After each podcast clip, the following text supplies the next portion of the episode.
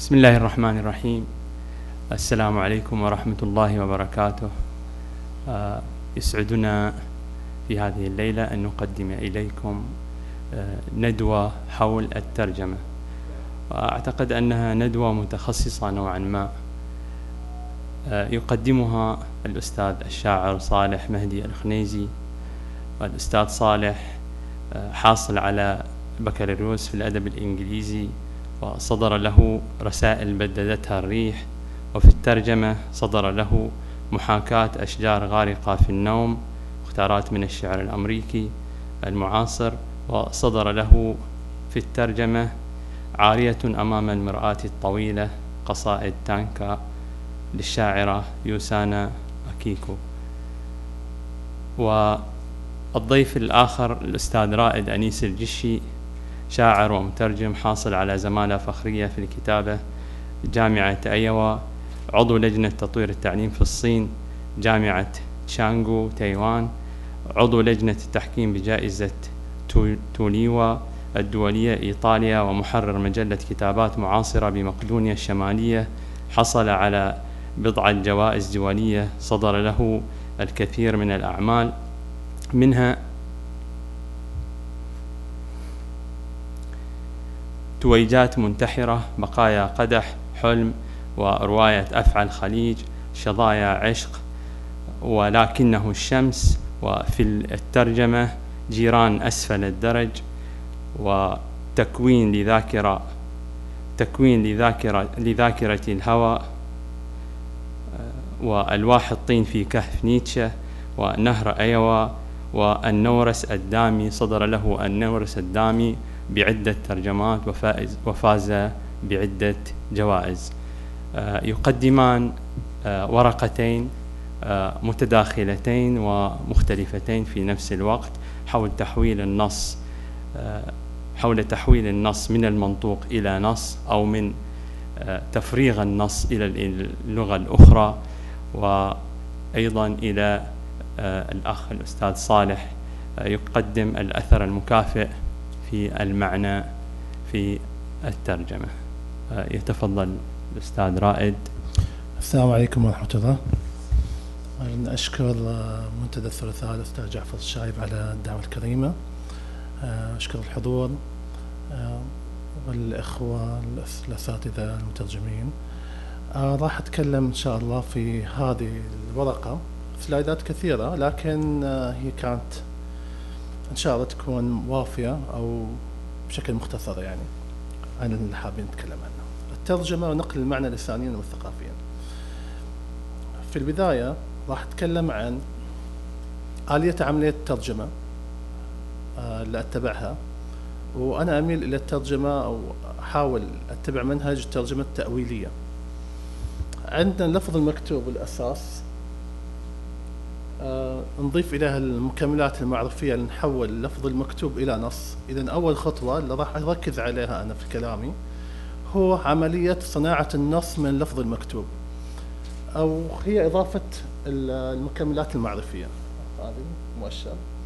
إذا إضافة المكملات المعرفية صناعة النص الأساس هو اللي راح أركز عليه في الكلام. وأيضا راح أركز على جزء بسيط من إعادة صياغة الجملة والتأكد من التقنيات ووصول المشاعر. وفي هذه الحالة راح أحاول أو أتكلم عن أيضا نقطة أتبناها مو فقط في إحياء في مسألة إحياء المؤلف ولكن أتكلم عن مسألة تلاشي المترجم أو محاولة آه، قتل المترجم وإحياء المؤلف في هذه النقطة. إذا هذه النقطتين الأساسيتين راح أتكلم فيها. طيب. كان عندنا مثال بناخذ مثال مباشرة وبدخل في الموضوع. باخذ هذا المثال إذا ببدأ بشرح الأمثلة ما راح أعدد نقاط. مباشرة مع المثال بنتكلم عن المكملات المعرفية. عندي هذا المثال and I hear a lark song in the clear air. وجاي حاب أترجم هذا العبارة المثال. بترجمة ترجمة مبدئية حرفية مباشرة بسبب يعني بالمبادرة الكلام الأول أو السماع الأول. وأسمع غناء قبرة في الهواء النظيف. هذه أول ترجمة أو المجال الأول. فأنا الآن باجي إلى المكملات المعرفية. لما أجي الآن أصنع النص يعني الآن أنا عملت الترجمة الأولى بدون بدون تحويله إلى نص. الآن ببدأ أحوله إلى نص وببدأ مع ألارك سونج أو غناء القبرة إحنا عندنا غناء القبرة آه هذا اللي راح أركز عليه في البداية. وحنشوف إيش دلالة غناء القبرة عندنا إحنا. هذه القبرة آه مشهورة بالطيران وبالحذر الشديد آه عن طرف ابن العبد. مشهور أعتقد البيت. يا لك من قبرة بالمعمري خلالك الجوف أبيض وأصفري. إلى أبو العلاء المعري. واجهت قبرة فخفت تطيرا. وهذا واضح جدا إن إحنا عندنا غناء القبرة دلالته في الغالب الأعم الدلالة حزينة هذه ترجع إلى أصول يونانية إلى أصول في الميثولوجيا اليونانية ما راح أتكلم عنها بشكل كبير. دخلت بالشكل الحزين إلا عند الإخوان الإنجليز في النهاية. الدلالة حقتهم الشائعة المستخدمة حق غناء القبره هي دلاله السعاده اذا الآن أنا هذا مكمل معرفي الآن إنه في النهاية لما دخل في الشعر الإنجليزي غناء القبره لما دخل في الشعر الإنجليزي تحرر من قيود الميثولوجيا اليونانية والآن حاليا هو دلالة السعادة إذا هذه نقطة مكملة معرفية أنا موجودة عندي والمفروض أن أستفيد منها في الترجمة. الآن أسمع غناء قبرة مع المكملة المعرفية عندي أنه يدل على السعادة مثلا عند الغرب بما أن الجملة هذه من الشعر الحديث أو حسب السياق الكامل حق النص وأن إحنا قلنا أن إحنا بنتكلم فقط عن مثال بسيط للتوضيح. هذا المكمل المعرفي. الآن ببدأ بهذا المكمل المعرفي أبدأ أختار. عندي عدة مفردات. عشان أناسب هذا المكمل المعرفي هل بختار أصغي أنصت أو أستمع؟ وهذا أيضا من أثر الترجمة أن تخلي الشخص دقيق أكثر في اختياراته لمفرداته في اللغة العربية. فراح نرجع إلى الفروق اللغوية حتى إلى العسكري يعني بنرجع إلى 800 ميلادي أو 400 هجرة عفوا أو إلى آخره. طيب اذا على السريع بنحتاج أن إحنا نعطي فرق بين الاستماع والإنصات. الاستماع هو إدراك ما يقوله. بحاسة الأذن فقط. الإنصات هو السكوت للاستماع للمتحدث. والإصغاء هو الاستماع إلى المتحدث والنظر إليه أي استمع له وإليه بالأذن وبالحواس الأخرى. فالآن أنا أجي الآن وبحاول أن أختار شنو الشيء المناسب حق إن هذا العمل إن هذا العمل اللي قاعد يقوم به في الترجمة يدل على السعادة بالمفردة. فراح أختار الإصغاء. بيجي عندي الآن عملية الإصغاء إنها عندي بما أنه شيء سعيد فأنا شيء طبيعي ما راح اسمعه سماع عادي أو راح أستمع له فقط راح أتوجه له بجوارحي لأن المفروض إني أنا سعيد الآن. فأنا قاعد أدخل الآن في داخل جو النص أو أتخيل وش قاعد الشاعر يشوف أو إيش قاعد الشاعر يتكلم عنه أو الكاتب نفسه وقاعد أدخل في جو النص وأحاول أكون جزء من الكاتب. لو كان بالعربي وش المفروض كان يكتب؟ هذا الرجل. فأحاول أتلاشى وأدخل في داخل النص. الآن أيضا هواء النظيف ما هي جاية عبارة لا تدل على السعادة ولا حتى عبارة شعرية. يعني لو كان واحد شاعر ما راح يقول هواء نظيف أو لطيف. اذا عندي أنا دلالات حق الكلين إير حق النقي وصافي. مع المكمل حق السعادة أبي أعرف شنو الشيء الاختيار الأمثل اللي بختاره عشان يكون دلالة على السعادة؟ هل هو مع الصافي أو مع النقي؟ ما راح أنا بختار النقي لشيء آخر لمكمل معرفي آخر أو إلى مكمل معرفي آخر وهو مسألة التلاشي الآن. أفرض أني أنا أخترت الصافي. أنا ككاتب حاولت أن أختار الصافي. وفضلت الصافي في النهاية برجع وبختار النقي. لسبب آخر تماما. راح أنظر إلى العبارة نفسها وأشوف شنو التقنيات اللي استخدمها الكاتب. بدرسها شعريا الآن نفس الشعر أو نفس العبارة هذه بدرسها شعريا. بشوف أن عنده تكرار. يستخدم موسيقى داخلية فيها تكرار صوتي عنده مثلا لارك وكرين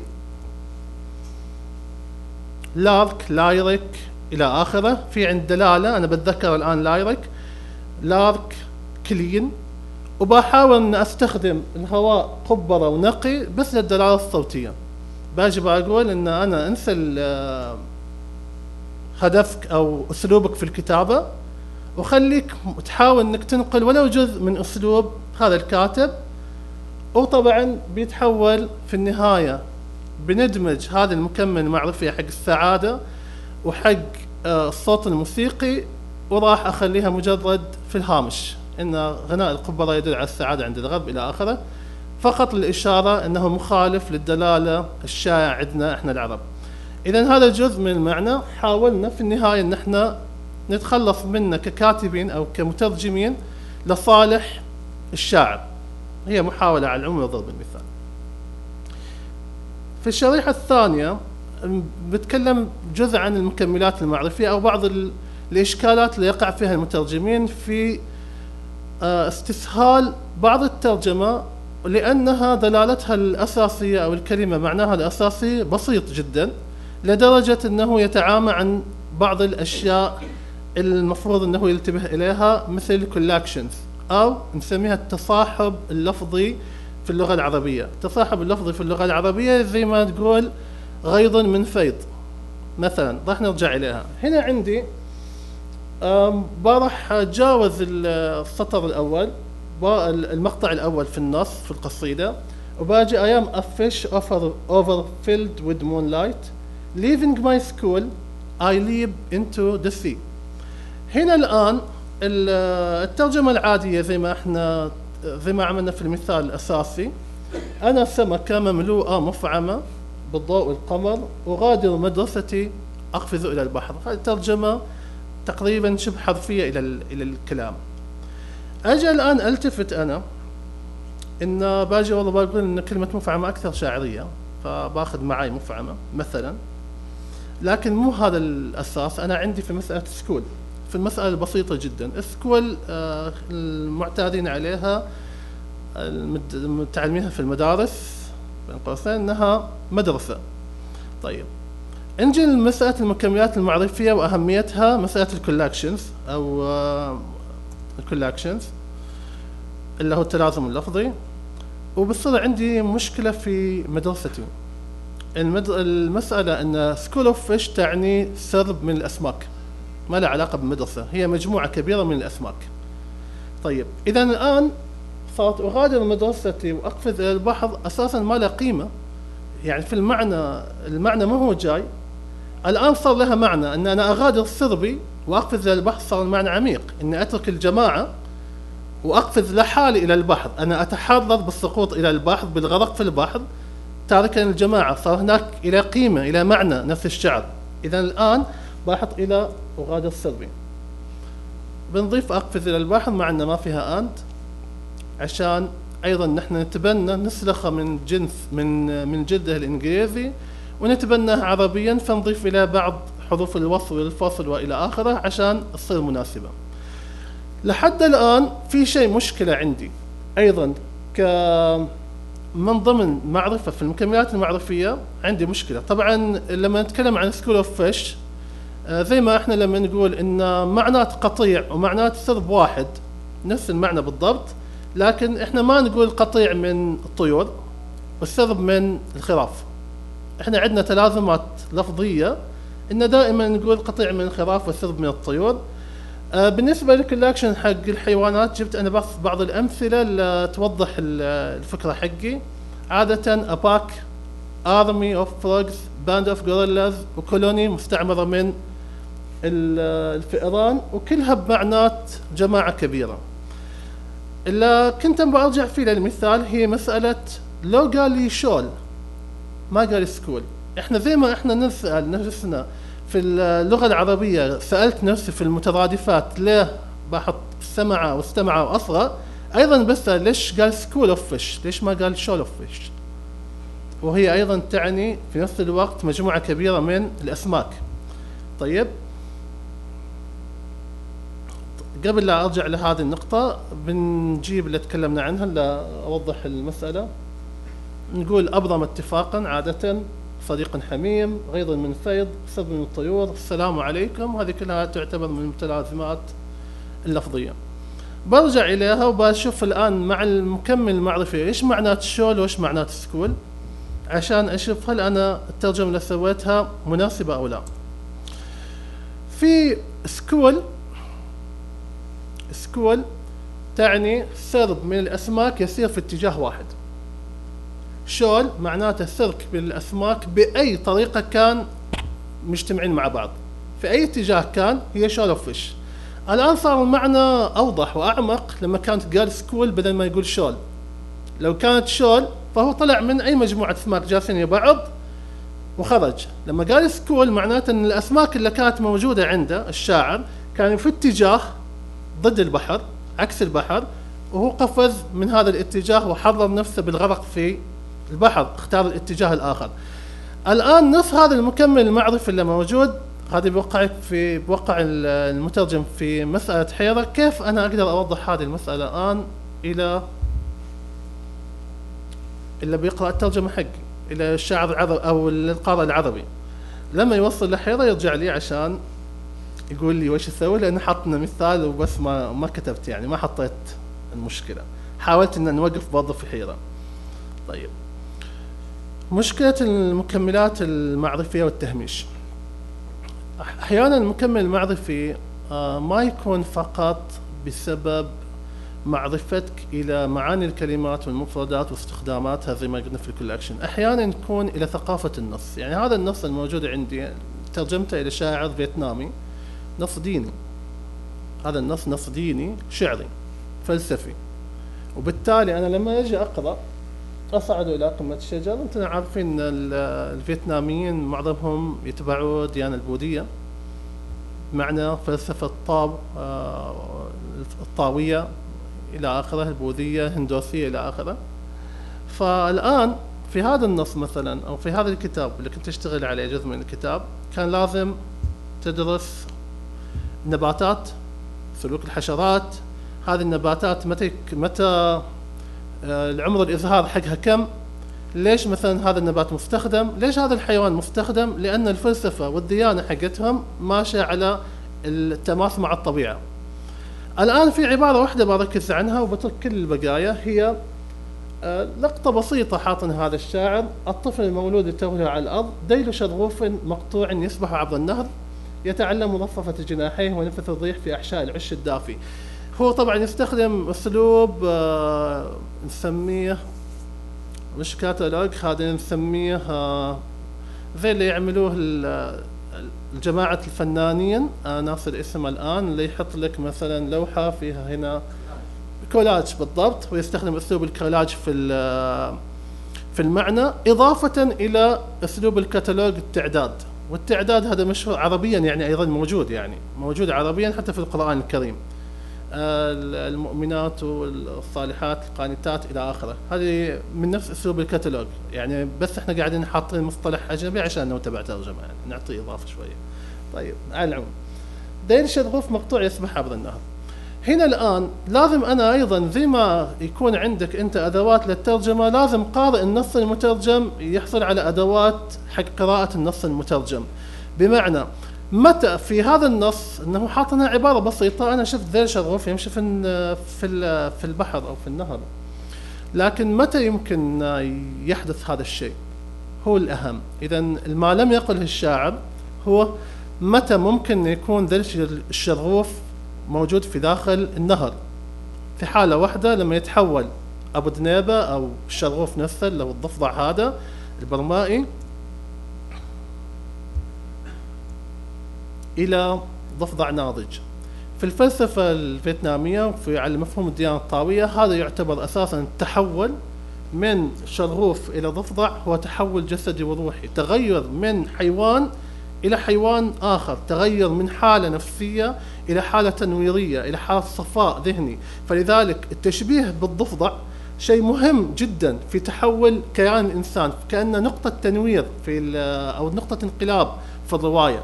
يعني هذا الآن الخط صار دير شرغوف مقطوع آه، يسبح في النار صارت كأنها نقطة انقلاب في عمل روائي كأنه تبدل من شخص شاب إلى شخص مصاب بالسل في رواية من روايات نجيب محفوظ مثلا.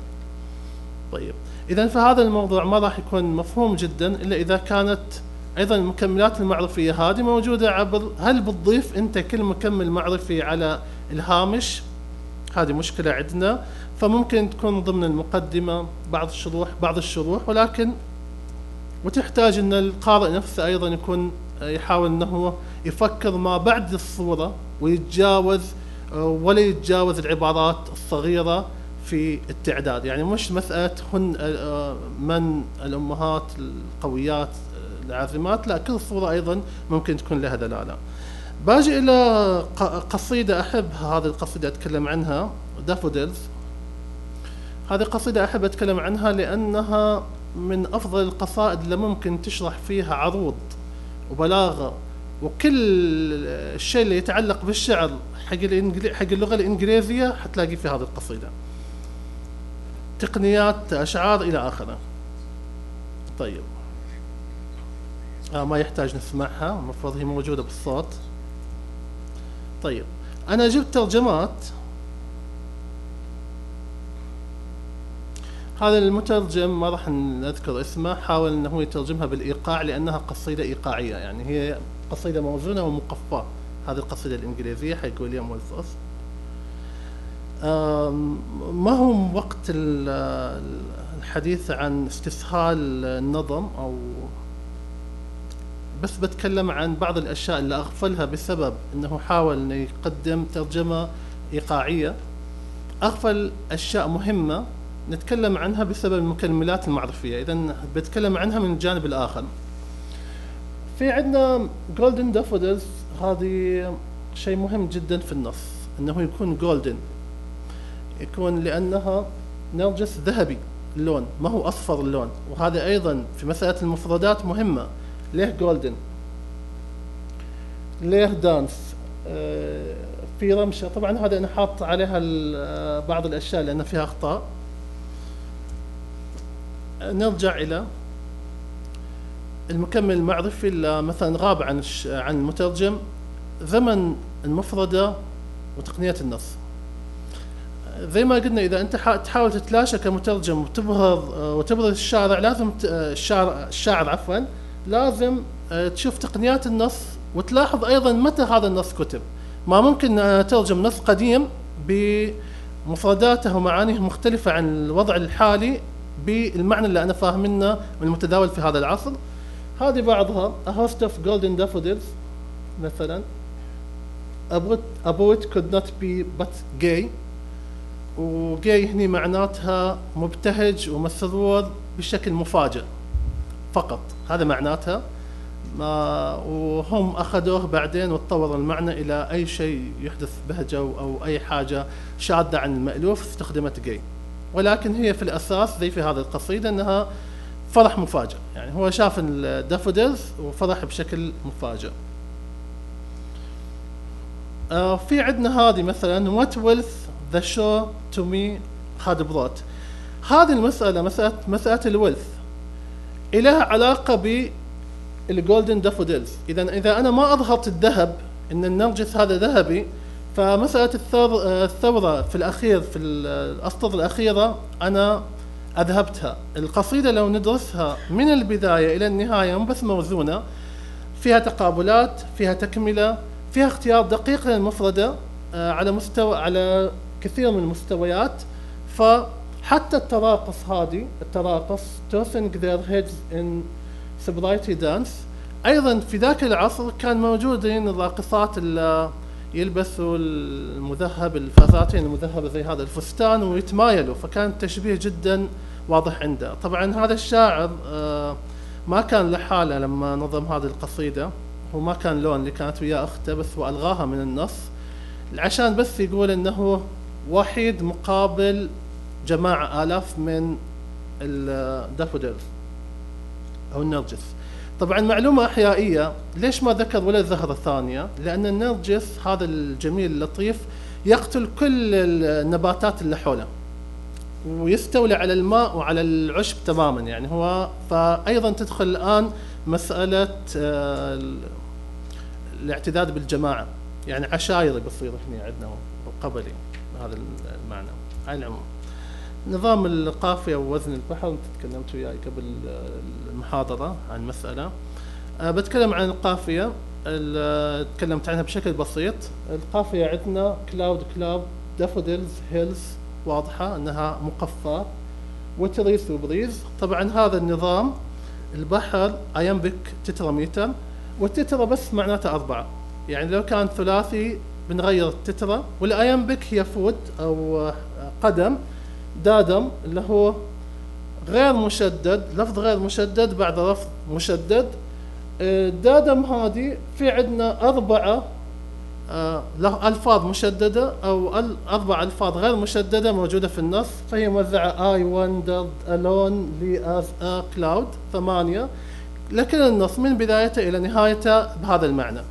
طبعا إحنا ما بنتكلم عن آه، القوافي.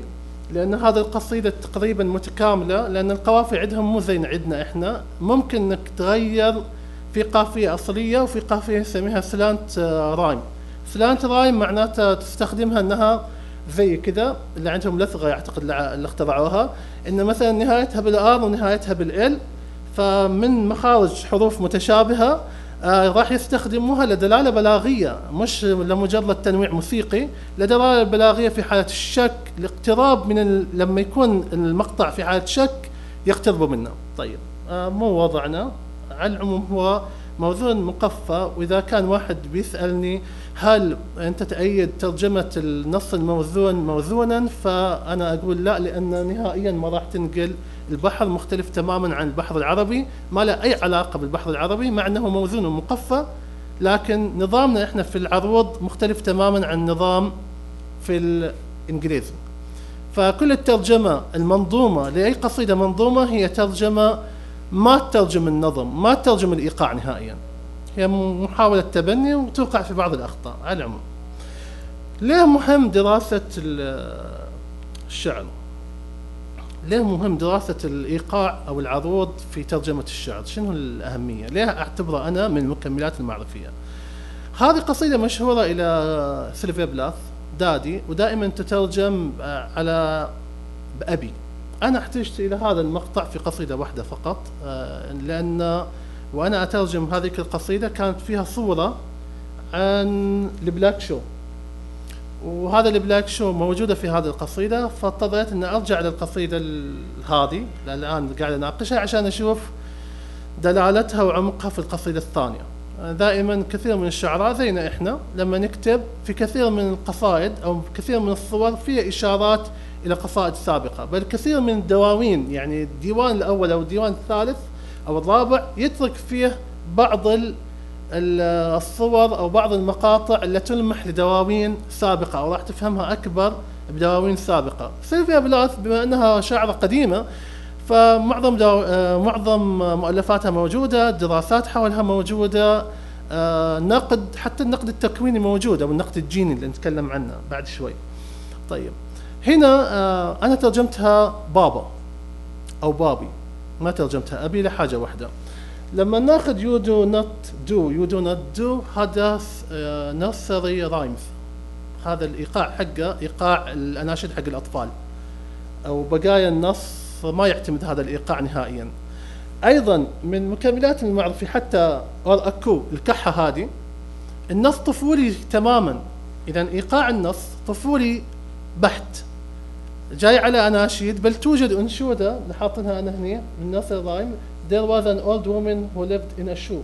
وهذه الانشوده حزين آه، مع إنها حقت أطفال بس موضوعها حزين جدا.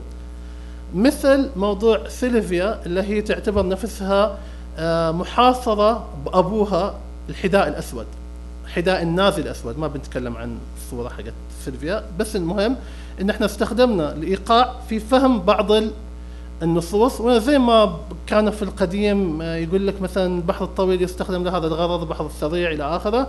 أيضا في كثير من آه، النصوص الإنجليزية نفس البحر بالذات آه، ممكن له دلالته زي ما شفنا. وما راح أتكلم عن حتى مثلا انتهاء السطر بدون علامة ترقيم إلى دلالة.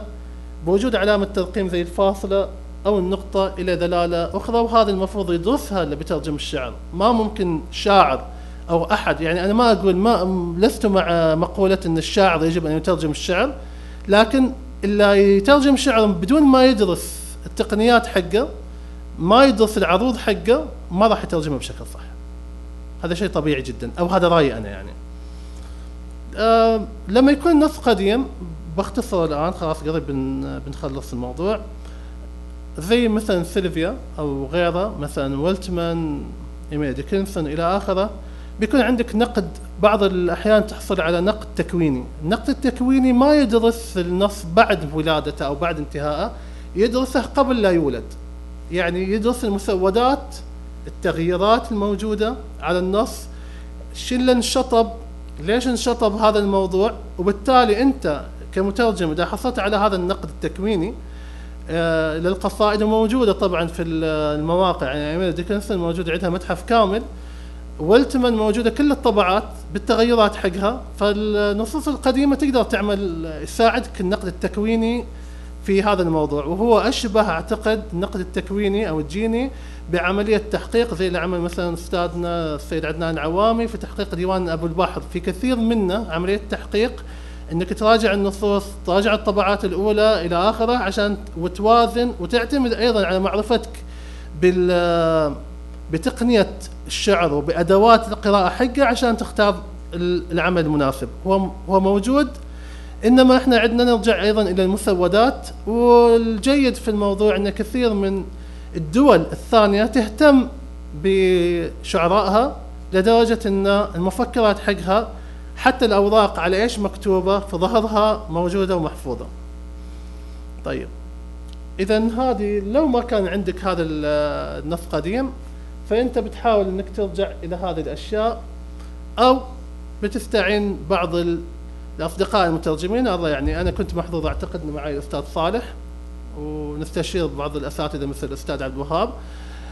في بعض الأمور في عمليه الترجمة أو نرجع إلى المتخصصين آه لما يكون في مثلا مفردة متخصصة وبحث. بس أول حاجة الواحد يعني دائما في الترجمة آه إنك تقوم بواجبك تعمل بأبحاثك واحيانا الإعداد يكون أكثر أو أطول مدة من الترجمة نفسها. يعني مثلا ترجمة قصيدة يمكن تاخذ لها أو كتاب ممكن الإعداد حق سنة. عشان تاخذ البحوث آه هذه المكملات المعرفية وبعدين الترجمة اللي تعتمد بس على اللغة هذيك بتكون بسيطة.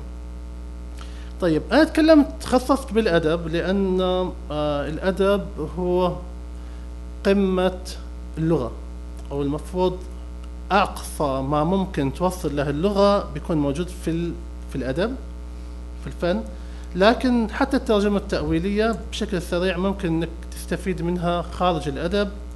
هذا مثال سريع لما نتكلم عن ال CV أنت وجي المفروض إنك تترجم آه كتابة ال CV في عندك نقطة مهمة sell yourself. بالتأكيد ما راح حد يترجمها ان بيع نفسك.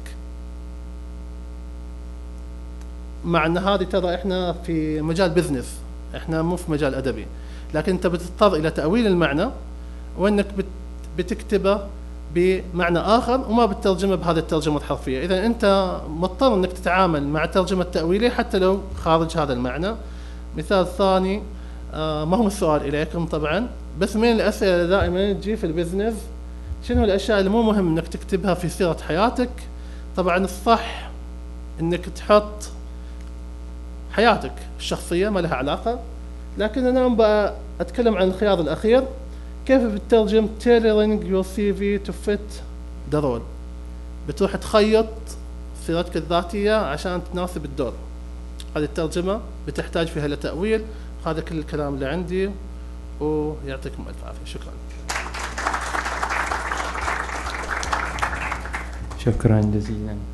كنت أبغى أقول إن أستاذ رائد مو فقط بس شاعر أو مترجم. ناقد ناقد آه ما احب كلمه كبير بس آه ناقد آه متبحر في النقد كثيرا جدا اللي يوصل لها المكملات المعرفيه أو اللي يدور حول النصوص هذه سواء العربية أو غير العربية.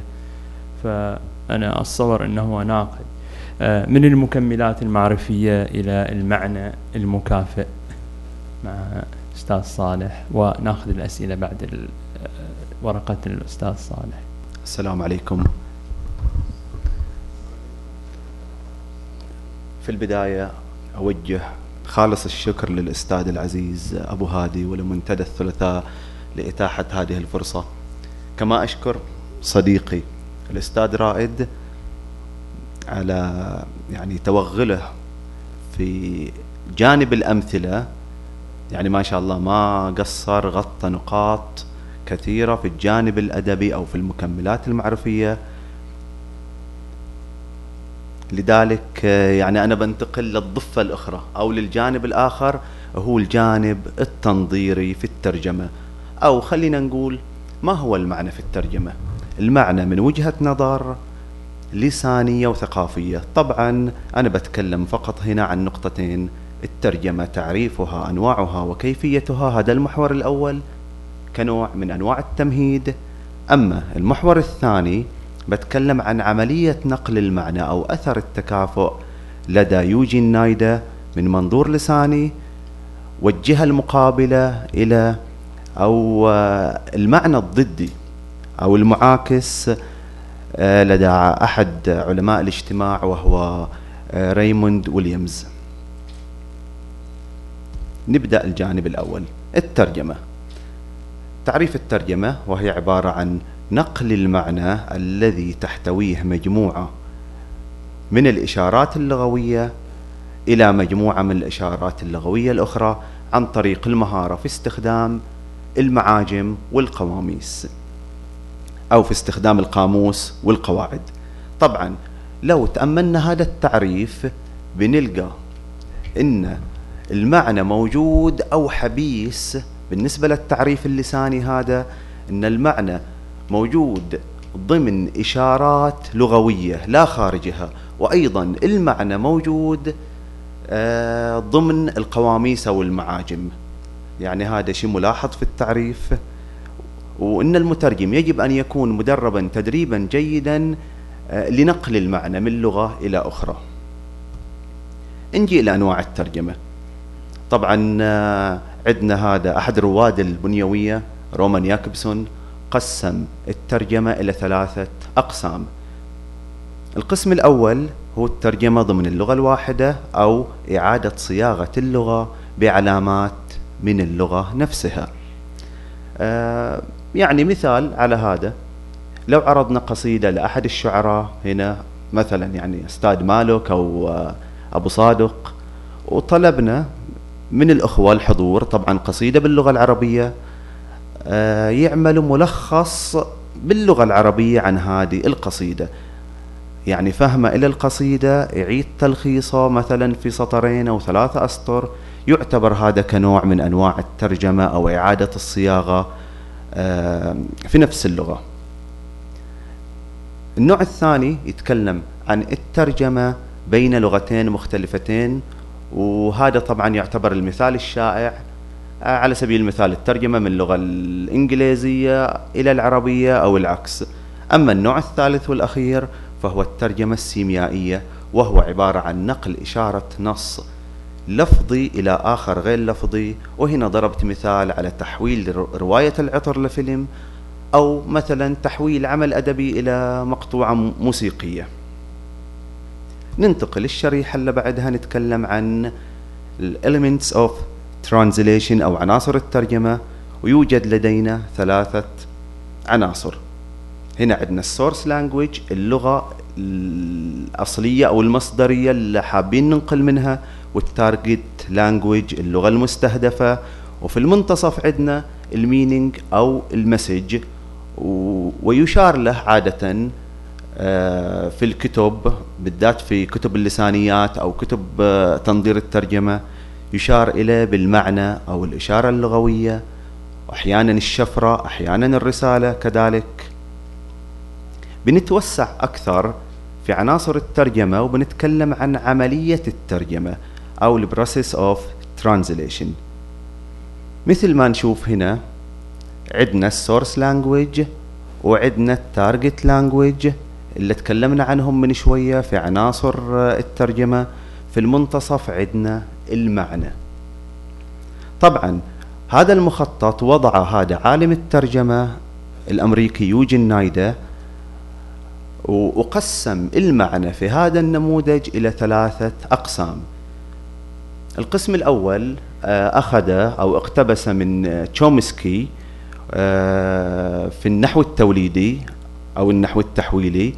والمعنى الثاني آه، يعود إلى المعاجم وهو المعنى الدلالي. أما المعنى الثالث والأخير فهو عبارة عن المعنى الانفعالي أو الإيحائي. وطبعا طرح يوجين نايدا مفهوم التكافؤ وقسم إلى قسمين إلى شكلي وإلى ديناميكي. وركز يوجين نايدا على أن تتطابق الرسالة في اللغة المستهدفة تطابقا تاما مع العناصر المختلفة في اللغة المصدر. وأن تكون العلاقة القائمة بين المتلقي والرسالة آه، شبيهة بين المتلقي والرسالة في النص الأصل وهذا ما سماه بأثر التكافؤ. خلينا أقرب الفكرة شوية. طبعا هذا النموذج وضع يوجن نايدا لغرض محدد. هذا الغرض هو عبارة عن تقديم ترجمة إنجيلية موحدة في العالم بالاتفاق مع الفاتيكان. يعني آه، كان عنده فريق عمل. وحب يترجم الإنجيل مثلا إلى الإنجليزية إلى الفرنسية إلى اللاتينية إلى الهندية إلى العربية باستخدام هذا النموذج. وافترض فكرة الأثر المكافئ آه إن المعنى من المفترض إن المترجم يثير نفس الأثر في اللغة الأصل. ضرب مثال علشان نقرب الصورة أكثر. قال مثلا جملة الجملة المتكررة في الإنجيل lamb of God أو اللي تترجم في اللغة العربية أعتقد بحمل الإله. فقال مثلا لما إحنا بنجي نترجم هذه الجملة إلى شعب مثل شعب الإسكيمو ما عمرهم شافوا مثلا lamb أو sheep أو ما شافوا خراف هناك. فلازم يعني لما هذا شعب الاسكيمو يقرا هذا النص ما بت ما بتأثر فيه معنى من ناحية مكمل معرفي مثل ما تفضل أستاذ رائد. فاقترح مثلا تترجم إلى seal of God يعني فقمة الإله. بحيث إن الفقمة هذه هي كائن معاش وتحمل دلالات معينة فافترض هذا الافتراض. طبعا إحنا آه نبغى نبين في الشريحة اللي بعدها من وجهة نظر ريموند ويليامز هل هذا الكلام صحيح أم لا. طبعا تلقى هذا يوجين نايدا عدة انتقادات حتى من بسطاء الناس ما بنتعرض لها الآن. بنتكلم عن مقالة إلى تحليل الثقافة إلى عالم الاجتماع ريموند ويليامز وتكلم ريموند ويليامز عن ثلاثة مستويات إلى الثقافة. ال recorded culture ال selective culture وال lived culture بنتكلم في البداية عن الثقافة المدونة والثقافة الانتقائية أو ثقافة التراث الانتقائي لأن لهم علاقة ببعض.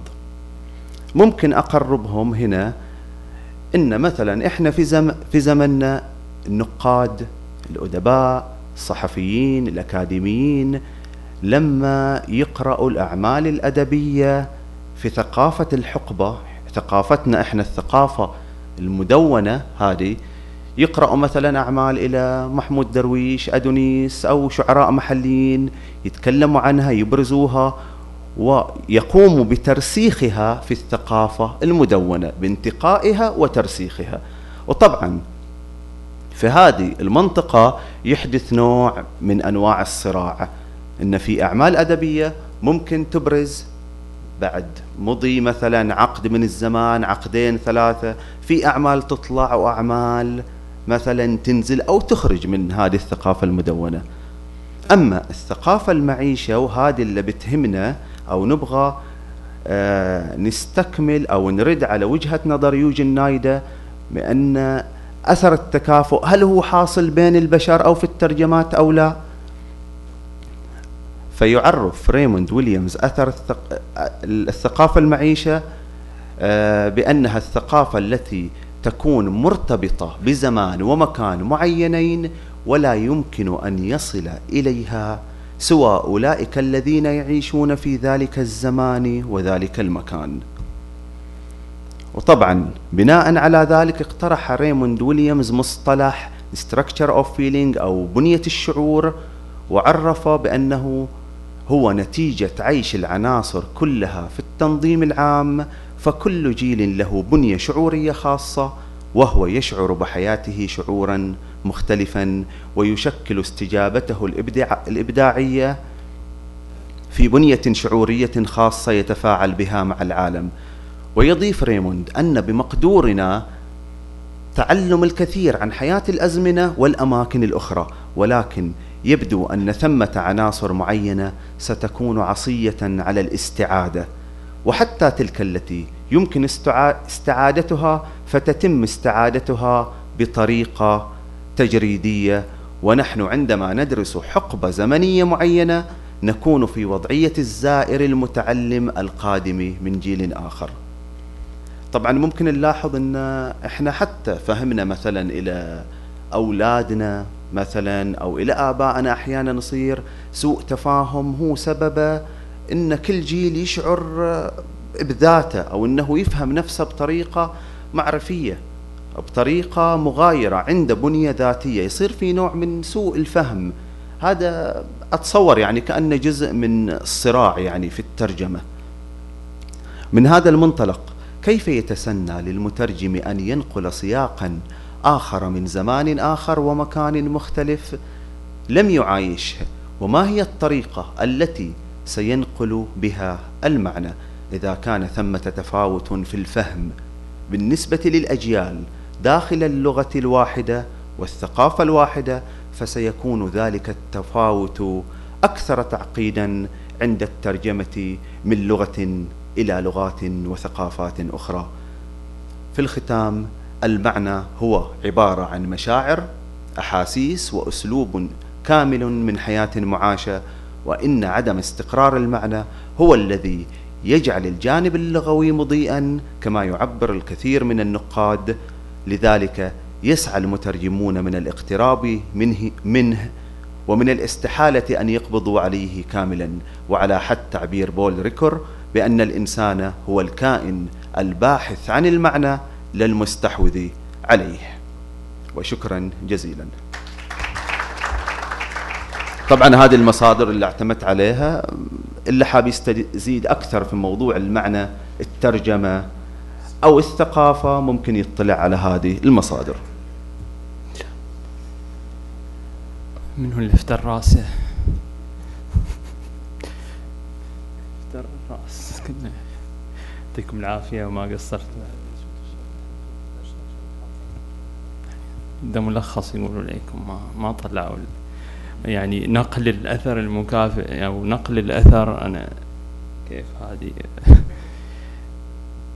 يعني كيف تنقل نفس الأثر لنفس الجملة ما على العموم. آه، أحب آخذ مداخلات من المترجمين أستاذ عبد الوهاب أو آه، خاصة المعتنيين بالترجمة لأن الموضوع بصراحة آه، يعني حتى قبل لا أخذ مداخلة معلش سوري آسف هل القارئ يعني قارئ المترجم قارئ النص المترجم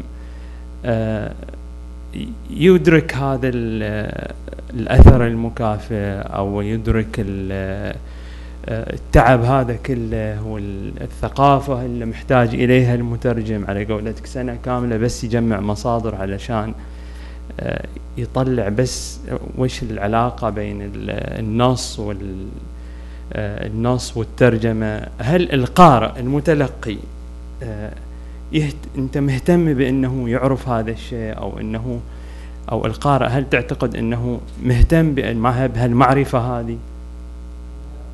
أو ما يهمك أصلا أنه يعني يعرف أو لا؟ يعني يهمك أنك أنت تنتج نص آه، بما يملي عليك معرفتك وبما آه، يحمله النص نفسه ولا لا؟ أنت تهتم بأن هذا المترجم نفسه هذا القارئ نفسه لهذا النص؟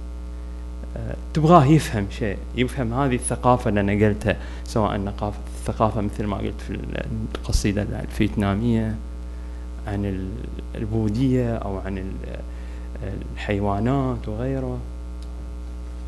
آه، بالنسبة للمكملات المعرفية يعني لو كان العمل شرح لو كان العمل شرح لقصيدة صح. آه، بحاول الواحد يقدم آه، قراءة عمل شرح للقصائد ويتكلم عنها بشكل مثلا نقدي أو فكري. لكن هذا العمل ضروري سواء أنت قدمته إلى القارئ أو ما قدمته لأن أنت ما راح تقدر تترجم بشكل صح أو تقترب من الصحيحة من من الحقيقة أو من المعنى إلا إذا قمت بهذا العمل. يعني هذا جزء من العمل هذا جزء يوم من العمل أنت في النهاية بتحط هامش. القارئ المهتم راح يلتفت إلى هذا الهامش. بقدر النظر قدر جهدك ما قدر جهدك. أنت توصلت إلى أنا توصلت له مثلا في سنتين قعدت أدرس الطاويه لأن أنا ما ما أعرفها. ما أقدر أتعامل مع النص أترجمه وأنا ما مش فاهم الموضوع اللي قاعد يتعامل فيه. لكن في شخص آخر ممكن يكون دارس العمل وعنده الإشارات واضحة تماما. أنا أحتاج إني أتعلم فيها. القارئ أنا أقول أنا قلت مثلا إن إحنا محتاجين لقراء يعي إن هناك إذا كان يحترم المكتوب فيعي إن هناك صور مكتوبة غير عبثية. يعني ما هي مكتوبة لمجرد إن أنا أجد الصورة فقط. يعني إحنا نتعلم إحنا من الترجمة نتعلم لغتنا فهمنا للغتنا العربية ولشعرنا العربي بشكل أكبر إن إحنا بدأنا نتساءل زي ما هذا الشاعر عنده جملة بسيطة جدا وراها مدلول ثقافي فأكيد إن إحنا يمكن عدينا من الشعر خصوصا في بداية قراءتنا. إلى بعض النصوص وأخذناها مجرد آه، معنى لغوي فقط ويمكن تكون لها دلالاتها اللي تسبقها وهذا أعتقد لما الواحد يرجع مثلا مرة ثانية زي ما تفضل الأخ الأستاذ صالح وأشار لدرويش أو مثلا أدونيس آه، في قراءة ثانية أو في قراءة ثالثة وفكك المواد الخام اللي صنع منها الصورة راح يشوف المكملات المعرفية كقراءة عربية ما كان ممكن نلتفت إلى الإشارات الإنجيلية إلى مثلا أبو حيان التوحيدي إلى الخامات الموجودة اللي قاعد يصنع من أو مثلا قاموس عفوا لسان العرب و وهذه الأشياء الموجودة يعني في النص ودلالاتها في بداية الصورة. ف... ناخذ مداخله من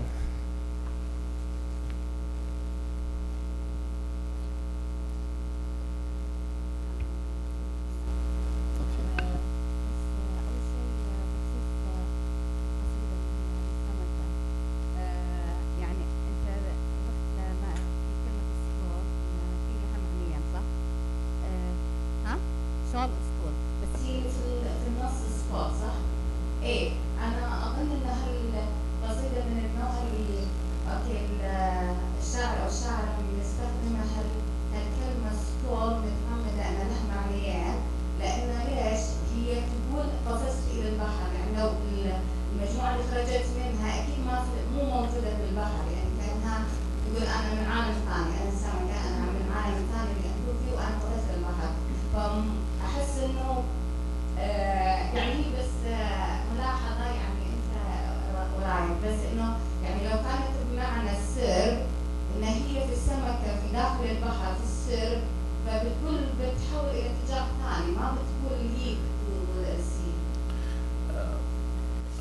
نعم هذا المعنى. أنا كنت ميزت بين شول اللي هو مجموعة من الأسماك في بأي اتجاه كان.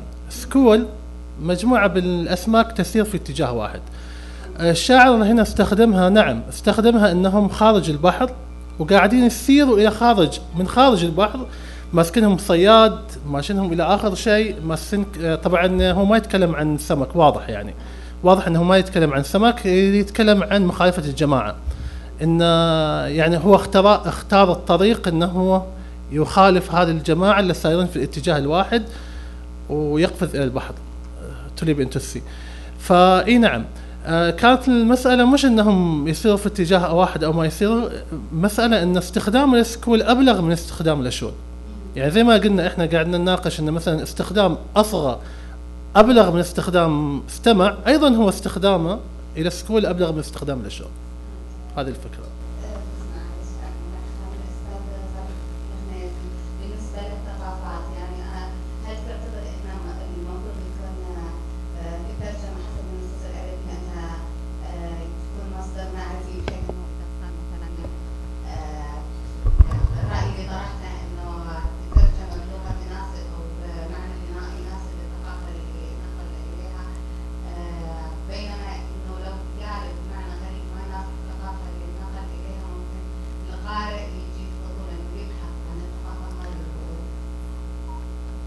والله هذا الجانب إشكالي إشكالي جدا. يعني أتصور إن جميع الدراسات ما بعد بنيوية صار في نوع من التحول إلى الاتجاهات الثقافية والتركيز على الثقافة.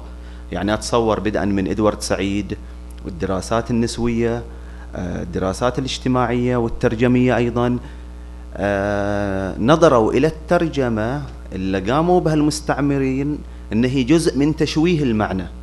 فلازم يعني ينظر إلى الجزء الثقافي يدرس الآن. يعني مرحلة أتصور من الثمانينات الجانب النظري دخلوا مع الجانب الثقافي في ورش الترجمة لإنتاج المعنى. فينظر إلى الآن إن ذا أهمية كبيرة.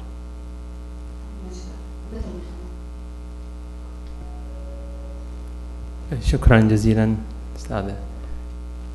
مداخلة أخرى. الأستاذ. إيه.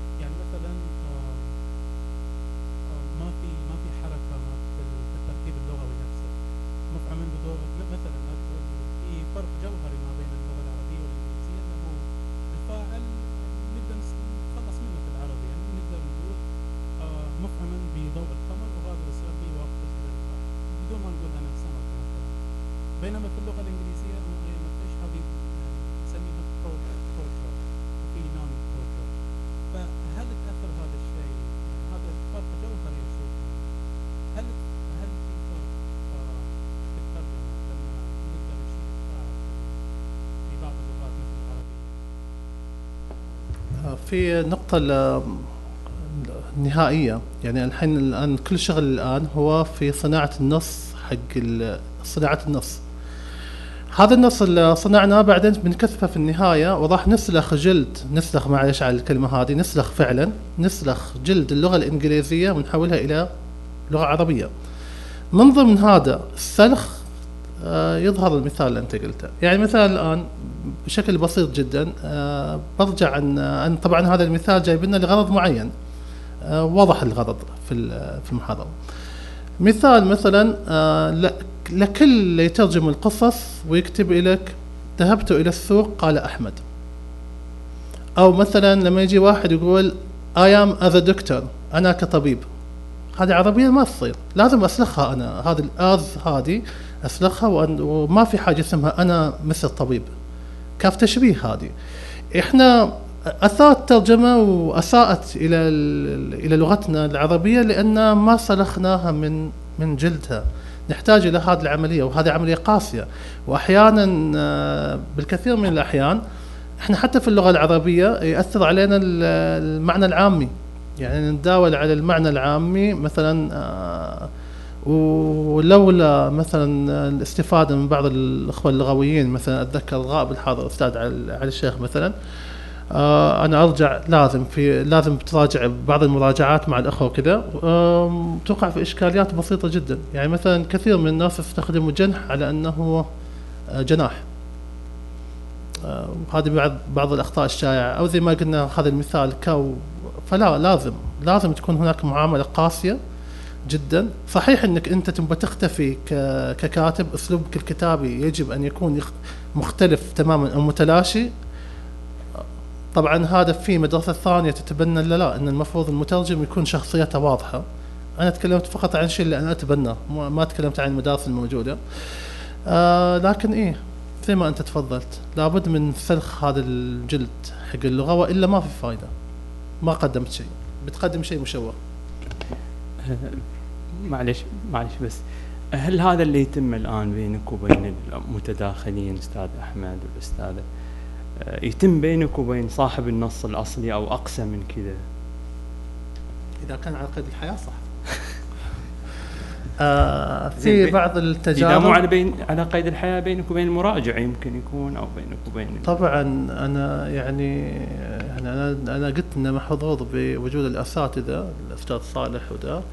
لأنهم ما يقول لي ممتاز وجميل وأحسنت يعني. هذا إنهم يناقشوك فعلا. هل أنت فعلا وصلت؟ وأنت ما تحتاج إلا واحد يصفق لك. أنت محتاج إلى واحد يقول لك لا والله أنا أعتقد إن هذه العبارة حقك آه، خطأ. أنت قاعد سنة كاملة تحاول تترجم هذا الكتاب فمحتاج إلى واحد يكون صادق معك وأنا محظوظ بوجود أصدقاء صادقين وعادي يقول لك إن مثلا آه، إن مثلا ترجمتك الآن أنت وقعت في الخطأ اللي أنت تقول المفروض تفاداه وترجمت آه، مثلا آه، عبارة آه، متداولة عند الإنجليز بطريقة مختلفة زي ما تكلمت عن المكملات المعرفية أو الدلالات مثلا كل اكشنز إنك أنت ترجمت كتاب الأسود مع إنها المفروض تكون جوزدان أسود. واحد مثلاً. واحد يسلخك يعني. لازم تحتاج وإلا إيش الفائده وإلا مجهودك كله ضاع. أنت محتاج إلى هذه العملية. بل أنت يعني الآن إذا كان قصيدة قديمة آه، إحنا ما ننشر مباشرة وهذا جيد إن إحنا ما نحتاج على الترجمة. هو جيد وسيء في نفس الوقت. آه، لأنك ما تحتاج على الترجمة فبعد ما تترجم ما تنشر. تستنى فترة لأن أنت تسأل الاصدقاء ولان أنت تنسى تسأل نفسك إيش تترجم من جديد أحيانا؟ توصل لمساله هوس. أعتقد أي واحد مترجم يقعد يوصل لهذه الحالة إنه يصحى من النوم يقول لا الترجمة هذا السطر بشكل أفضل كأنك قاعد تكتب قصيدة يعني. طيب فيصل لك هذه المسألة إنك بعدين تراجع نفسك. في حاجة عندنا يسموها تساقط الحجج آه، أو تطرح الحجج. إحنا نستخدمها في عمليه المقارنة بين ترجماتنا وترجمات الآخرين إذا موجودة. زي هذه مثلا طرحناها مثلا في دادي. ليش أنا مثلا أستخدم دادي؟ وهذا الشاعر المحترم الكبير قاعد يستخدم أبي. فأنا بعدين أجي اتطرح معاه الحجج وأقول لا والله أنا استخدمت لأنه موجود بالدلاله العروضه أنا يخدمني أنا ينفعني. لو ما كان هذا الد- دلاله العروض تخدمني كان بتبنى رأي وانتهى الموضوع وكانت على كلمة واحدة يعني.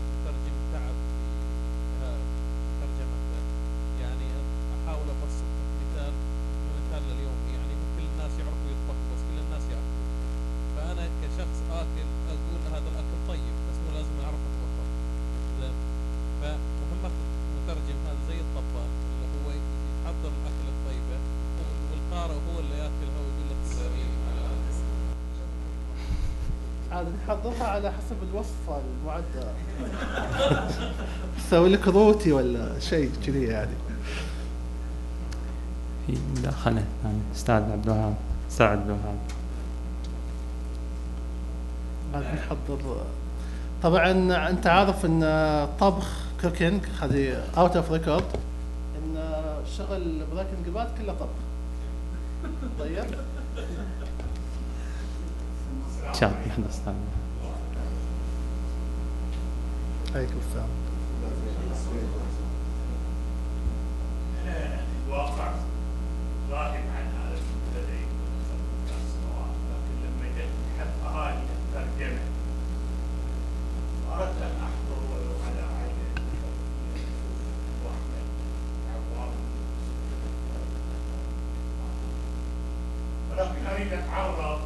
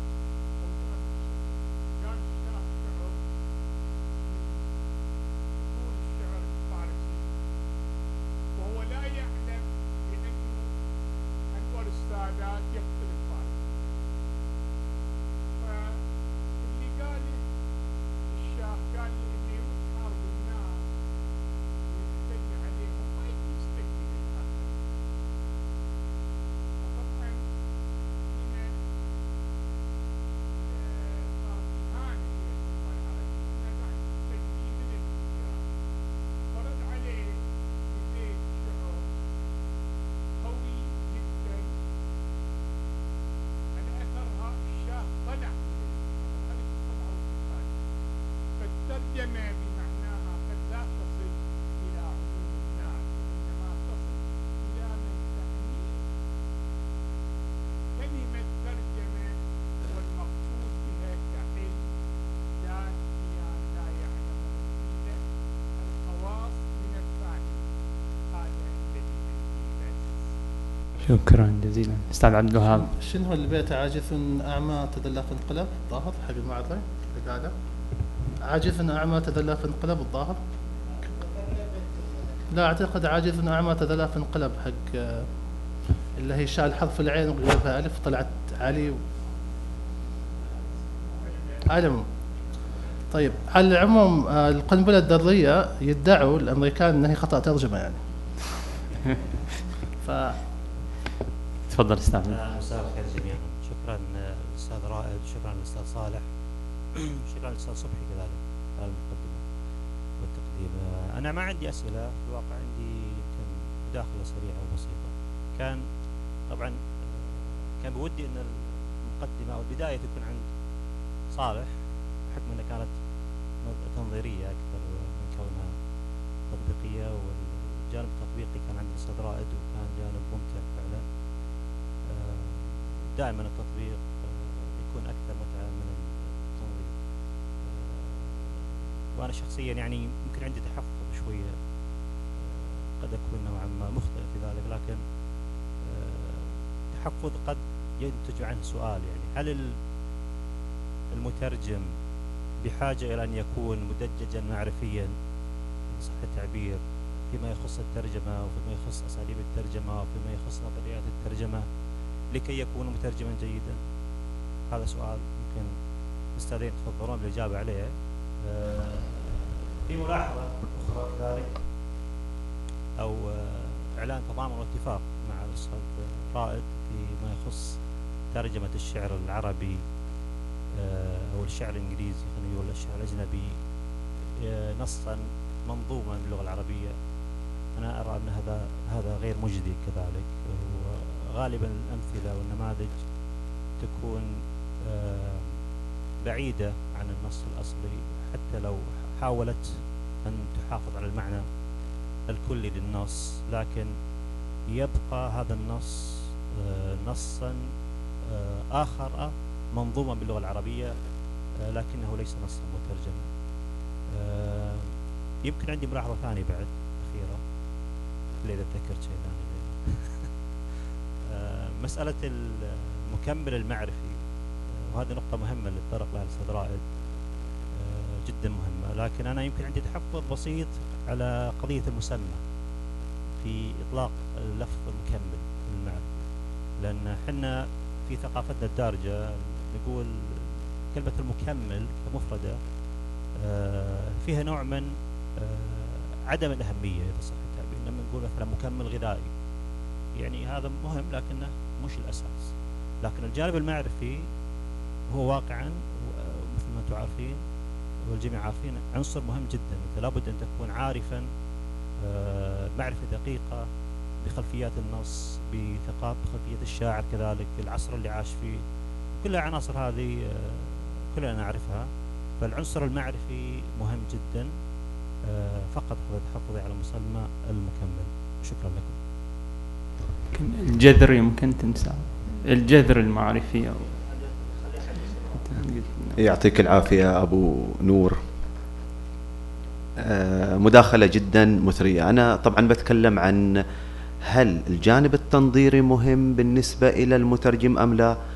آم، طبعا إحنا عندنا خيارين. أما المترجم يكون ممارس والممارسة مع الممارسة هذه بيصقل ذاته. لكن أنا بالنسبة لي يعني أو كوجهة نظر شخصية أنا أشوف إن الجانب التنظيري يفتح أفق نقدي زين أو على الأقل يخلي المترجم يعرف أنه يمشي على الطريق الصحيح. يعني ممكن أقربها بعد بفكرة بعد يعني أقرب شوية. آه، مثلا لو واحد كان يعرف آه، أو يستخدم خرائط محدودة في داخل منطقته زين الجانب المعرفي أو التنظيري يوسع الخرائط اللي عنده. على الأقل يخليه يعرف أنه قاعد يمشي صح. هذه من آه، يعني وجهة نظر أولى أم آه، أما من وجهة نظر ثانية أنا أشوف إن في نوع من المتعة بالنسبة لي. يعني مثلا إحنا لما تعرضنا إلى النظريات البنيوية مثلا الشكلانية الروسية بعدين البنيوية عند رولان بارت نظرية التناص زين. بعدين ما بعد البنيوية لما صار في نوع من التحرر في الدراسات الترجمية أو دراسات الترجمة وأيضا نوع من التداخل بين التخصصات. بمعنى أن الترجمة متداخلة مع الثقافة مع الدراسات النسوية مع دراسات ما بعد الاستعمار. هذا الأفق كامل زين هو نوع من المكمل بنعود للمكمل المعرفي. نوع من المكمل المعرفي آه، اللي يخلي المترجم على بصيرة. زين بالشغل وأتصور يعطيك نوع من الثقة إن أنت اللي قاعد تسويه شي صح.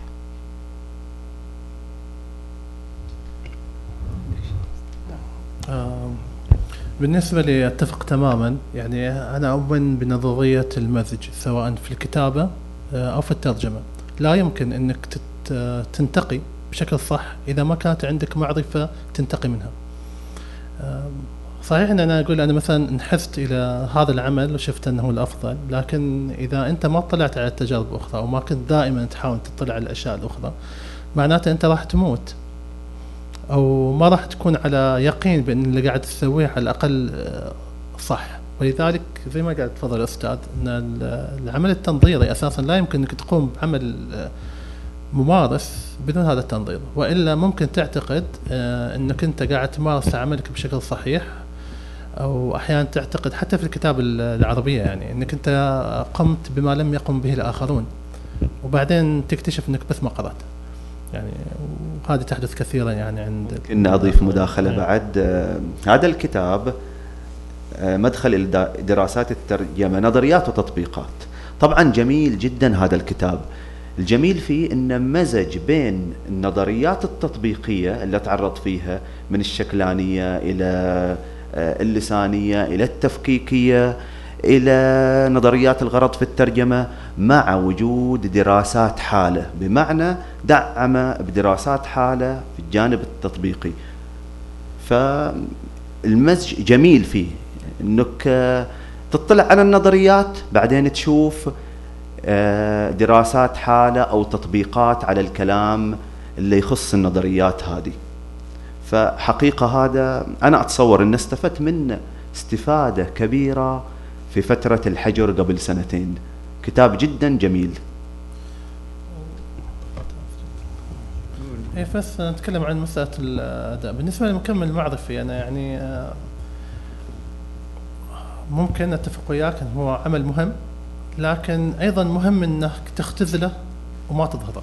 يعني هو موجود هو زي ما أنت قلت المكمل في النهاية ما راح يشوف الفيتامينات باء ودال والى آخره راح يشوف الحبة هذه. آه، فأنت مضطر أنك تختزله وإلا حيكون عملية شرح وأعتقد أنا ما عملت هذه الحركة إلا في كتاب واحد وأتعبتك بعد فيه. اعطيتك اياه الكتاب. إنك تحاول توجد المكملات المعرفية. لا لأن هذاك يعتمد لأن كان متوفر عندك آه، نقد جيني ونقد تكويني وإلى آخره. كانت الأشياء متوفرة يعني بشكل كبير. فبس. أستاذ فريد تفضل.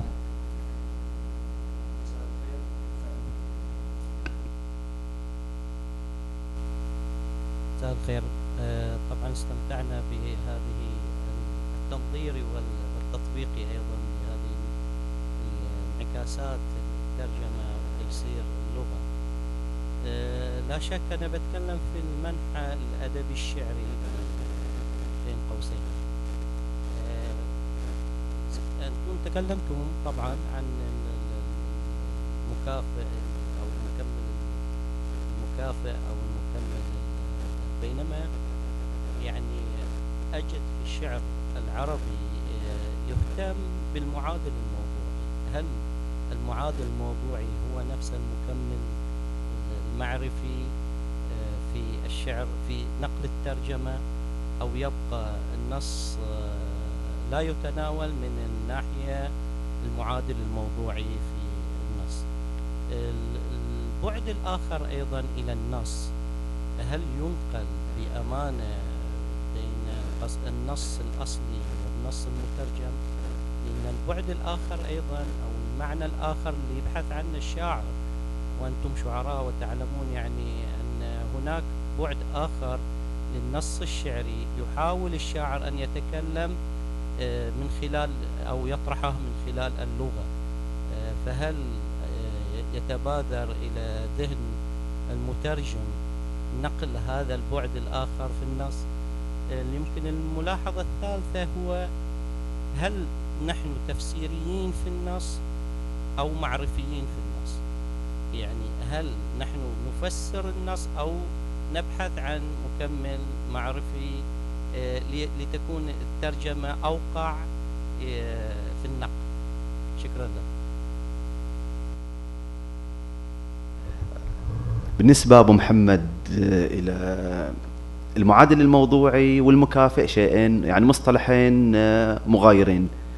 زين المعادل الموضوعي أو أتصور يسموه باللغة الإنجليزية ال objective correlative يتكلم آه، عن آه، التعبير. لما إنسان مثلا أو شاعر أو كاتب يكون في نوع من الحزن. كأنه تراكم ثقافي ما بقول لك أنا حزين مثلا بيعبر عن الحزن بطريقة مواربة بطريقة زين آه، غير مباشرة.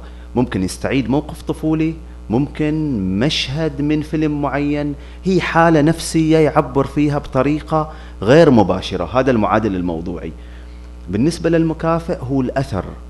طبعا آه، مثل ما قلنا إن في نوعين من المكافئ المكافئ آه، الديناميكي زين المباشر والديناميكي المباشر زين يتكلم عن الترجمة بطريقة مباشرة. الديناميكي هو عبارة عن الأثر اللي يتركه فيك اللي تتركه فيك الترجمة أو النص فهذيلين يعني آه، مصطلحين مغايرين.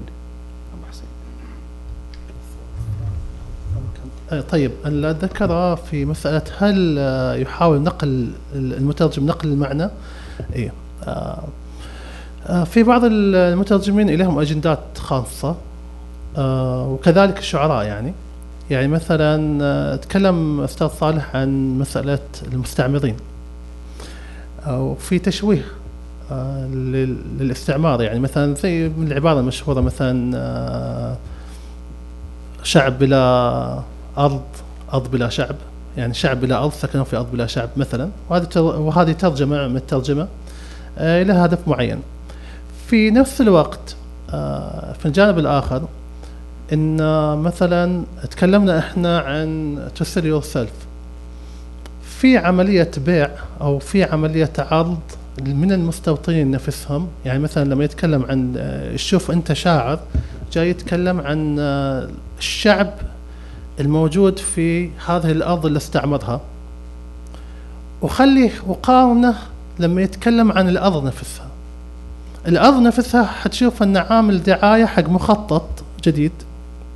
يعني الأرض هذه استثمارات وتعالوا أنتم يا الستلرز اسكنوا عندنا وفيها يحط لك زي ما عملوا في زي ما عملت مثلا إسرائيل دعاية عشان تستقطب ال- إلى إلى إسرائيل مثلا العلماء وكذا وإلى آخره. موجودة الآن حتى في القديم حتى يعني في على فكرة كثير من كتاب ال- الخرائط آه، واللي وصفوا المدن هم شعراء. فكانوا يرفعوا من آه، معنى المدينة أو يبغوا يجيبوا ناس مستثمرين إليها. آه نفس الشيء الترجمة. كثير من الترجمة آه مثلا أتكلم عن الأستاذ عن انتقائية. إذا بتكلم عنها عربية عربية بنتكلم عن مثلا كتاب مثلا مذبحة التراث. أو مثلا كتابة التاريخ تدوين التاريخ. فإحنا قاعدين نعيش. نعم. المترجم الصحيح المفروض أنه يحاول جاهدا أن ينقل المعنى وما وراء المعنى باستخدامه للمكملات المعرفية. هذا في كل الناس.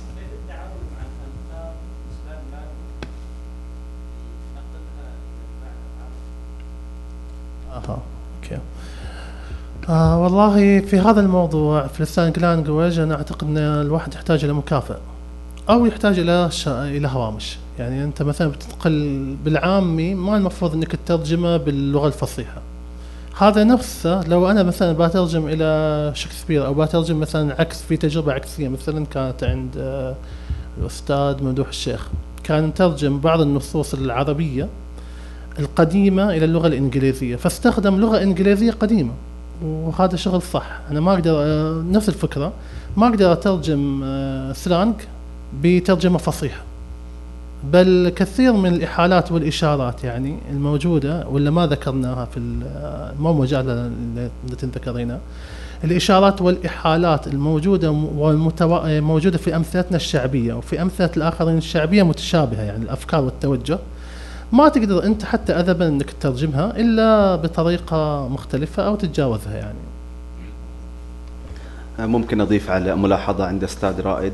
أستحضر بالنسبة لاستخدام ال slang آه، ترجمة سركون بولص إلى آه، الشاعر الأمريكي ألين جينسبرغ في قصيدته عواء. ترجمها بطريقة جميلة جدا.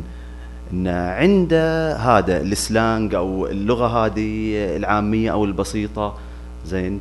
وفي ترجمة ثانية بعد أستحضرها ما أذكر المترجم آه، رواية أمريكية الحارس في حقل الشوفان مترجمة مكتظة بالمصطلحات العامية باللغة الإنجليزية. للأسف المترجم ما عرف يترجمها. عدة مصطلحات وردت بالعامية. أما إنه ما فهمها أو إنه ترجمها مثلا بطريقة ما تناسب السياق العامي. فلازم يعني بالمختصر إن الشخص يكون عارف بالسياقات العامية. أه، مسألة أنا بس. صالح إلى أي حد يعني كنسبة مئوية أه، تعطي أه، جودة القصيدة في الأثر المكافئ؟ يعني أثر القصيدة. أنا نقلت بنسبة مثلا 10% 20% آه، الأثر نفسه. يعني إيه، إلى أحد تعطينا أوكي سؤال جميل. طبعا إحنا ما بنفترض من خلال ترجمة واحدة. ممكن ترجمة واحدة موجودة ممكن إنها تؤثر في ما تؤثر فيك أو ما تؤثر في آه، بعض القراء الثانيين. الأهم من هذا إنه يكون في نوع من الإثراء تعدد الترجمات. ممكن لاحظوا الأخوة قبل قبل شهرين ممكن كان عندنا أمسية عن الترجمة. إن عرضنا نموذج تقريبا خمس ترجمات لقصيدة واحدة. زين وجلسنا نتناقش في الجوانب أو تعرضنا في الجوانب الترجمات. هذه مثلا فيها جانب مضيء تترك أثر معين هذه جانب مضيء. فهذا الموضوع للأسف يعني إحنا عندنا نفتقد إلى الدراسات من هذا النوع في الترجمة. يعني ممكن أستذكر آه، كاتب أتصور عراقي آه، صلاح نيازي عنده كتاب جميل يتكلم عن ذا الجانب من تقنيات التأليف والترجمة مثلا ينظر إليك إلى ترجمة آه، شكسبير ترجمات شكسبير يتف- يتفحص إليك ترجمة آه، آه، ناسينا آه، روائي اللي كتب عوليس ناسي اسمه جيمس جويس اي بالضبط. يناقش هذه الترجمات يبين مثلا آه، أساليب الترجمة الأخطاء في الترجمة بأسلوب أكاديمي جميل. إحنا للأسف هنا أتصور إن ما زلنا يعني في البداية نفتقد إلى هذا الجانب التحليلي في الترجمات. في مداخلة أخيرة. تفضل.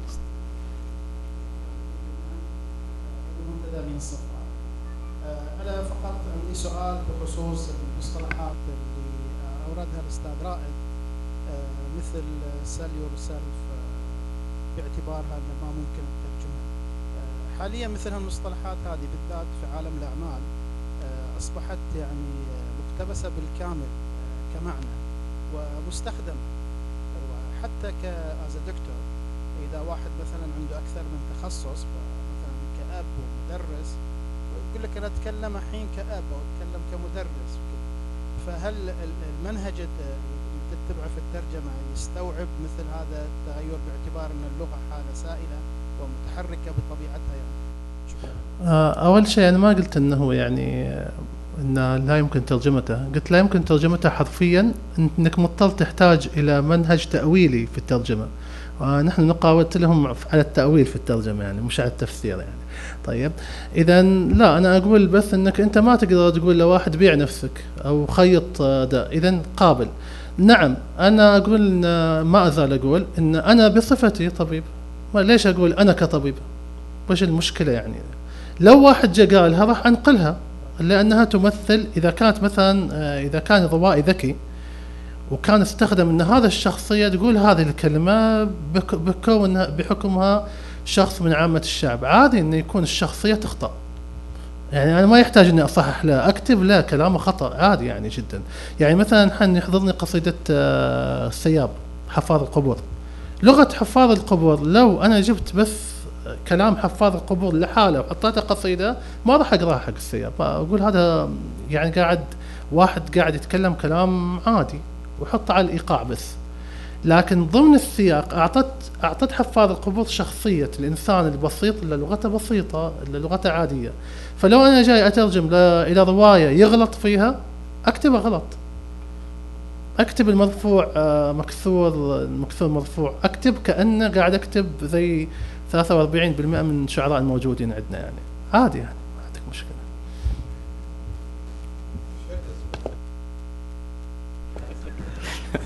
آه، نسبة تفاؤلية. يعني في أحد عنده شيء؟ مداخلة أخيرة أو ونحن منهم عادي يعني إحنا نسبة كل واحد. كلمة أخيرة أستاذ صالح. كلمة أخيرة أستاذ رائد. آه، أشكركم جميعا. أنا عندي بس مو سؤال إنما يعني يدور في ذهني يعني سواء عن الأثر المكافئ أو غيره. ال- النص المترجم ربطه بشكل عام بخصوص المترجم بالميديا الصورة. تشوف يتغير شيء كثير جدا سواء يعني حتى جودة الترجمة تختفي سواء من هو المترجم ما تعرف. مرتبطة الآن أنت بصورة وموسيقى وفيديو وهذا الدارج الآن. وأيضا يرتبط هذا السؤال بال أو هذه الملاحظة بشيء آخر هو آه، تشوف ال- الأغلب أو كثير جدا هي ترجمة مختارات إذا عندكم. فهل هذا يصير في نفس سياق السرعة في هالزمن هذا كله؟ آه، خلينا نتكلم أول عن ترجمة الميديا أو ترجمة الفيلم.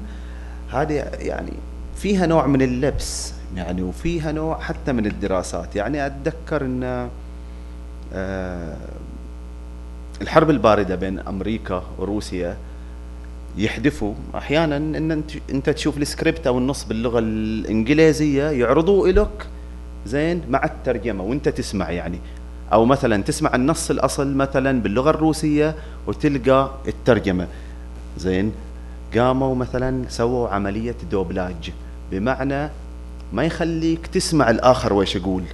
يعرض لك الكلام مباشر يعني. زين؟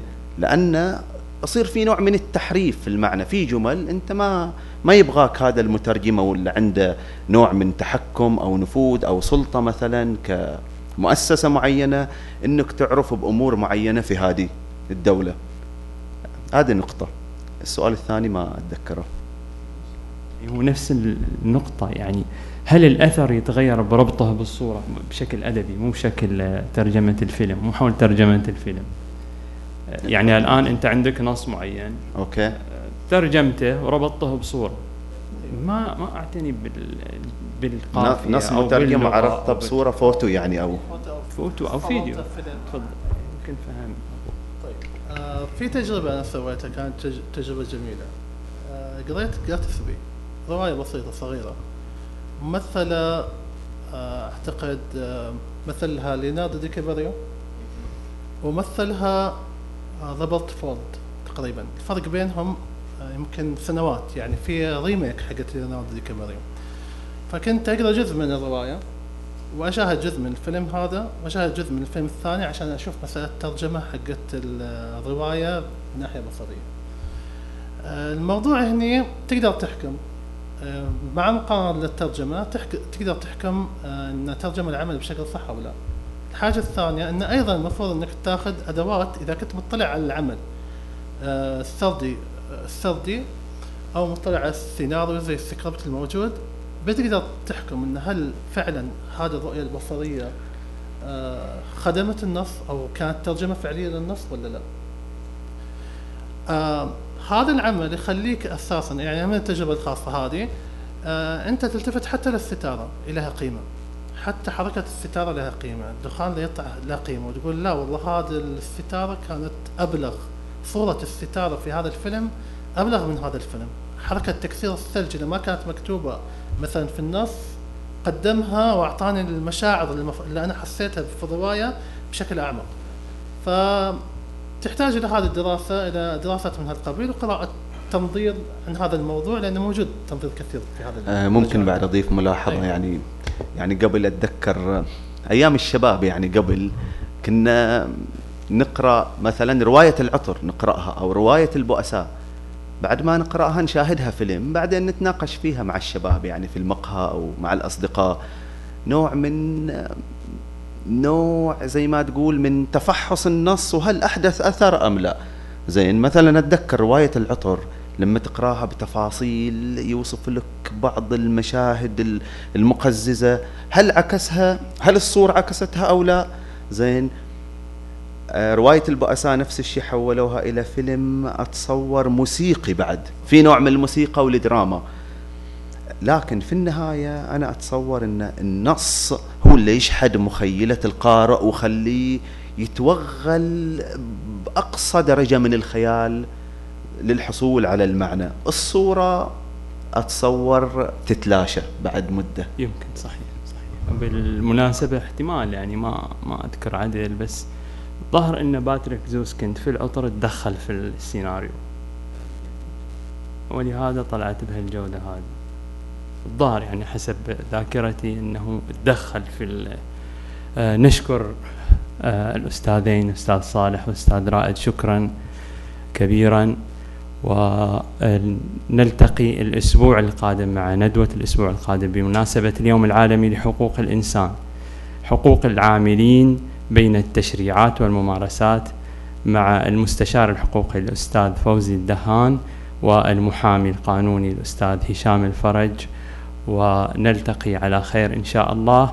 ولا ننسى توقيع ديوان الأستاذة أنعام السبع إنعام السبع بعض التفاصيل. ألم. والسلام عليكم ورحمة الله وبركاته.